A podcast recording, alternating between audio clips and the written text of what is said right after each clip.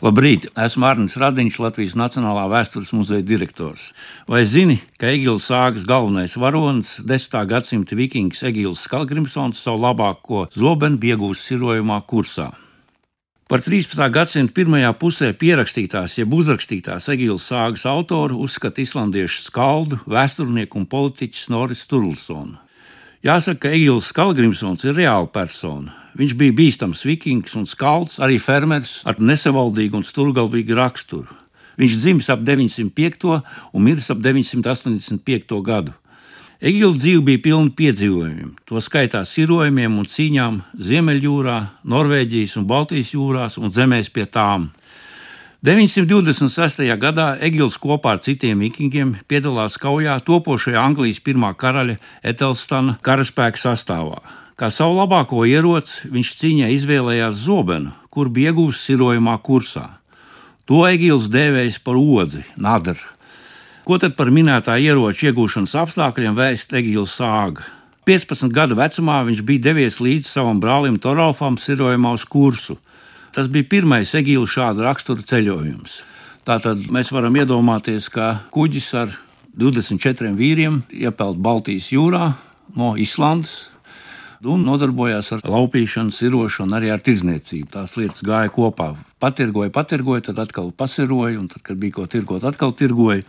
Viņi bija iebraukuši kaut kur kursas piekrastē, kādā upes grīvā. Mēs īsti nezinām, kur grīva. Mums labprāt gribētos domāt, ka tā ir venta, bet nu, mēs nezinām, vai tā ir venta.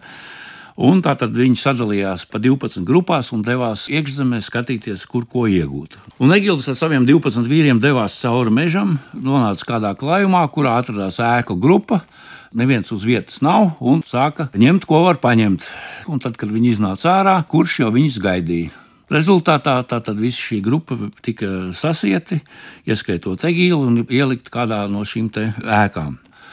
Egalam izdevās atciet savu rokas un kājas, atbrīvot pārējos, un nu, viņi atrada grīdā lūku, un zem lūks bija dzirdams kaut kādas balss. Un tur viens vīrs atbildēja, ka viņš ir Oke Dānis ar diviem saviem dēliem, ko, kurš ir sagūstījuši, un kas tagad ir šī kuršu vergi, un pat cik viņi ir bēguši, tad tagad viņi ir ielikti šajā pagrabā par sodījumu. Dāņi zināja vietējos apstākļus, un rezultātā parādīja Egīlam, kā tikt ārā, izlaužot plānākā vietā šo sienu, un nu, kā tā ies prom, neko nepaņēmis. Pagrabā jau zemstāvā atrodas sudrabs un vispārējais, un tā tad viņi devās tur nogalināja tos kalpus, paņēma šos ieročus. Egīls jau paķēra tādu krietnu dzeramtrauku medaļu, kurš bija pilns ar sudrabu, un devās atpakaļ pie sava pamestā kuģa.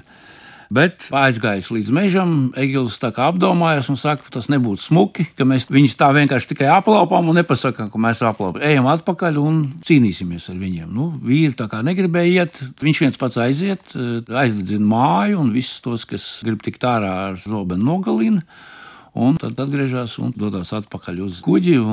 Pēc tam sekmīgi turpina visu vasaru vēl laupīt Baltijas jūrā kopā ar šo oki un viņa dēliem. Un pēc tam, kad viņi nonāk Dānijā, tad oka vēl parāda viņiem, kur ir lunda ka vajag lundu nopostīt kārtīgi, bet viņš atkal pats dodas uz savu saimniecību, kas tur ir. Un tas ir tāds saimniecības veids, kurā šis vikingu vadonis ir arī saimnieks, zemes īpašnieks. Viņam ir kaut kāda saimniecība, un vasarā viņš dodas laupīt un atgriežas atpakaļ. Un ziemā viņš kopā ar savu kara draugu, saviem vīriem, laimīgi pavadīja ēdot, dzerot un gaidot nākošo pavasaru.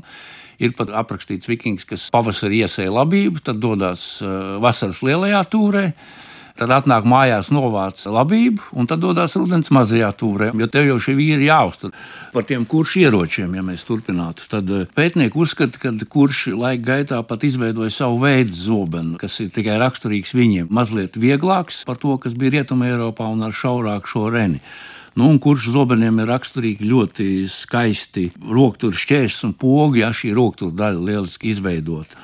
Un reizēm sastopam zobenu arī, kur asmenī ir iestrādāta šī inkrustācija, tāda dekoratīvs ornaments, reizēm tie pat burtus atgādina, kopējot it kā ieroču darinātāju vārdus. Viņa meistarība bija diezgan liela, un tā nav izdoma, ka kuršiem bija labi zobeni un viņi bija labi karotāji. Nu, sirošana bija izplatīts paņēmiens materiālo vērtību iegūšanā, bīstams, bet ātrs. Un līdzās vikingiem visā šajā laupīšanas, sirošanas un vikingošanas kustībā bija arī kurši un sāmsalieši. Un tad, kad 11. gadsimta otrajā pusē Skandināvijā nodibinājās karaļu valstis un karalis teica, ka tagad jūs drīkstiet karot tikai manā vārdā, vai mēs centralizēt to darīsim, tad eh, šo eh, vietu diezgan sekmīgi aizņēma kurš un sāmsalieši, kas tā kā brīvie ēgļi brauc un darīja, kā viņiem patīk.